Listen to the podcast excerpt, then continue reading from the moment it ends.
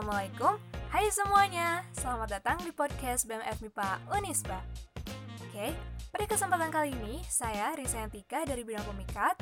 Khususnya bagian pertama ini Akan meresum sebuah novel Yang berjudul Silam Mulai chapter 1 sampai 4 Novel ini berjumlah 224 halaman yang diterbitkan pada tahun 2018 oleh RDM Publishers di Kota Bandung. Novel ini merupakan salah satu karya dari Risa Saraswati, di mana beliau merupakan salah satu penulis kelahiran Bandung. Yang pastinya nih teman-teman semua udah pada tahu kan, kalau misalkan karya-karya dari beliau banyak banget yang diangkat ke film layar lebar. Oke, langsung aja kita mulai. It's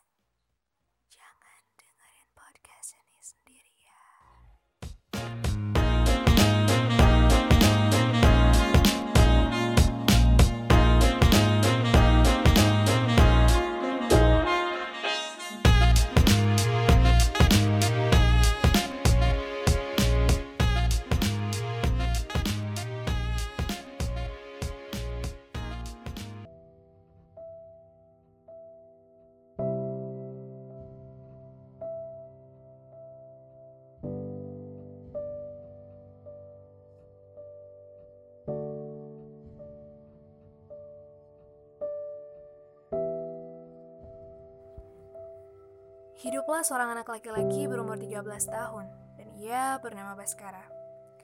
Ia tinggal bersama ibunya, karena sang ayah sudah lama tiada. Baskara terbiasa hidup sendiri, tanpa perhatian kedua orang tuanya, karena kedua orang tuanya terlalu sibuk untuk bekerja. Baskara selalu menjadi seseorang yang disalahkan atas segala hal. Walaupun dia tidak melakukan kesalahan, tetapi tetap saja Baskara yang akan selalu disalahkan oleh sang ibu. Hampir setiap hari, Baskara dan ibunya selalu bersih tegang karena hal-hal yang sepele. Baskara sudah terbiasa mendapat siksaan dan ejekan di sekolahnya. Bahkan Baskara mendapatkan julukan yang tak pantas dari teman-temannya. Ia sudah berusaha untuk mengadu kepada ibunya.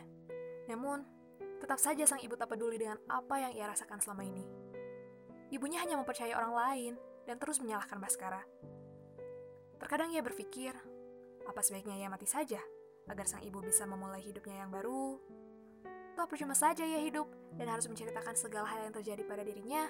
Namun sang ibu hanya menganggapnya berbohong. Hingga pada suatu hari, ibunya Baskara baru menyadari bahwa selama ini anaknya selalu kesepian dan ia menyesali akan perbuatannya terhadap Baskara. Baskara meratapi kehidupannya yang amat menyedihkan teman-teman yang selalu memusuhinya, sosok kakek nenek yang tak menemani masa kecilnya, paman atau bibi dari kedua orang tuanya yang tak ia ketahui, bahkan untuk saudara saja pun ia tak punya. Hingga ia pun berpikir, kenapa ia harus hidup? Ia merasa bahwa hidupnya benar-benar tak berguna. Hingga terus terpikir olehnya bahwa kematian mungkin adalah jalan yang terbaik untuknya. Baskara pun memasuki sebuah ruangan yang biasa ditempati oleh ayahnya untuk mengerjakan pekerjaannya sebagai arsitek. Hingga Baskara pun menemukan sebuah sketsa yang di dalamnya terdapat seorang pria yang amat mirip dengan ayahnya. Namun, dengan gaya rambut dan cara berpakaian yang berbeda. Hal itu membuatnya penasaran, hingga ia pun memutuskan untuk mencari petunjuk lain. Dan ia mendapatkan sebuah buku harian yang di dalamnya terdapat kartu identitas milik si pria yang mirip ayahnya. Ia menduga bahwa pria itu adalah pamannya, dan ia pun memutuskan untuk mencari pamannya pada alamat yang tertera di kartu identitas tersebut. Memikirkan akan pamannya ini membuat Baskara sangat senang dan bahagia. Ia berharap bahwa ia akan menemukan kebahagiaan yang selama ini ia dambakan. Pada keesokan harinya, Romi, si teman yang suka menindas Baskara, meminta Baskara untuk datang lebih pagi ke sekolah untuk mengerjakan tugas miliknya dan teman-temannya. Segala hal telah Baskara upayakan, namun pada hari itu tetap saja ia datang terlambat. Dan hal itu membuat Romi dan teman-temannya murka kepada Baskara. Sesampainya ia di lorong sekolah, terlihat di sana amat sunyi, sepi, dan gelap. Terbayang di benaknya, amukan Romi dan teman-temannya lebih mengerikan dibanding Pak Marwan, sang guru matematika yang terkenal killer. Hingga tiba, Romi dan teman-temannya datang menjegal kakinya hingga tubuhnya jatuh tersungkur ke lantai dan cairan merah pun keluar bercucuran dari hidungnya. Dengan tanpa ampun, mereka terus memukuli Baskara. Bogeman-bogeman mentah yang kerap kali dilayangkan pada wajah Baskara, menyebabkan lebam di sana. Keberadaan lorong yang jauh dari kelas dan ruang guru ini membuat Baskara tak bisa berkutik, bahkan untuk meminta pertolongan sekalipun.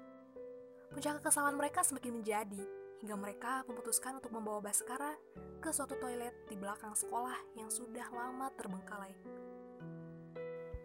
bangunannya yang sudah bobrok, lumut dan tanah yang menghiasi toilet tersebut, bak mani yang berisikan air keruh, gayung yang berlumut, dan bau yang amat tak sedap menyeruak ke penciuman siapa pun yang melewati toilet tersebut. Ditambah lagi, banyak rumor yang mengatakan bahwa ada salah satu siswa perempuan di sekolah tersebut yang meninggal karena gantung diri di toilet tersebut. Hal itu membuat suasana semakin tak karuan. Namun, umpatan dan makian serta pukulan tak henti-hentinya selalu dilayangkan pada Baskara. Sesekali Romi menenggelamkan wajah Baskara pada bak berisikan air kotor itu. Hingga pada akhirnya tubuh Baskara pun melemah dan ia pun jatuh tak sadarkan diri. Baskara pun berhasil bangkit dan beranjak pergi dari tempat tersebut. Namun, Kini tubuhnya dipenuhi banyak luka dan lebam. Bajunya yang basah kuyup, rasa dingin yang menyeruak, dan badan yang mulai menggigil. Namun hal tersebut tak memungkinkan dirinya untuk tetap pulang. Mengingat sang ibu yang pasti akan memarahinya bila melihat dirinya dalam keadaan demikian. Ia pun memutuskan untuk mengambil wudhu. Namun di tempat biasa ia sering mengambil wudhu, sudah dipenuhi banyak siswa di sana. Terbesit dalam benaknya kan toilet belakang sekolah. Dan ia pun memutuskan untuk kembali ke toilet tersebut. Ya, hanya untuk mengambil wudhu di sana. Bau yang amat menyengat pun mulai tercium kembali. Bercucuran. Bukan karena takut, ia merasa amat jijik akan sekitarnya. Mengingat Baskara yang harus selalu higienis dalam segala hal.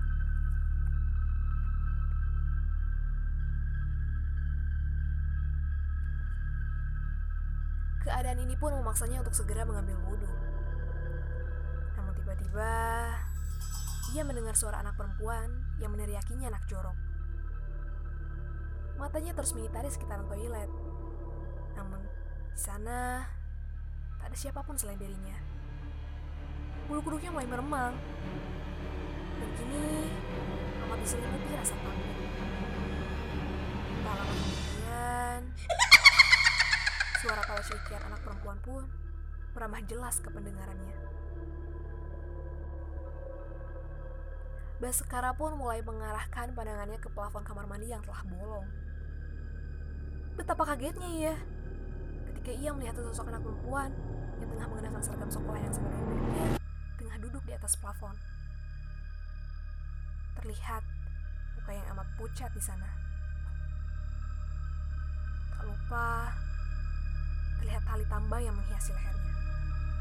Baskara pun memutuskan untuk meninggalkan toilet tersebut dan lari menjauhi sekolahnya. Hingga tiba ia di satu pohon besar dan hendak menyadarkan tubuhnya di sana. Ia merasa amat bingung. Tak ada tempat yang bisa ia tuju saat ini. Tubuhnya kembali menggigil dengan amat hebat. Dan ia pun memutuskan untuk memejamkan matanya untuk sesaat. Namun ia merasa ada yang memandanginya dari kejauhan.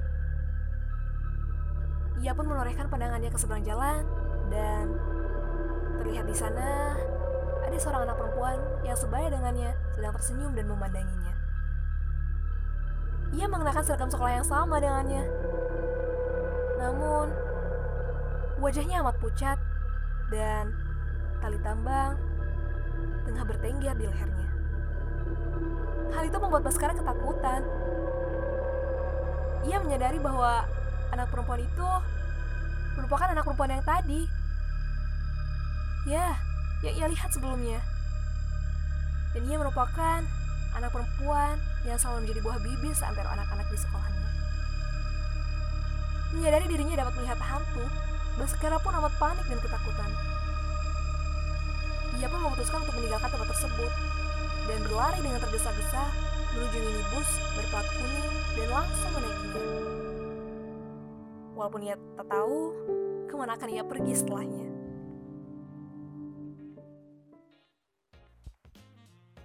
Nah, kira-kira Baskara bakal pergi ke mana nih setelah menaiki minibus tersebut? Coba teman-teman komen di bawah ya.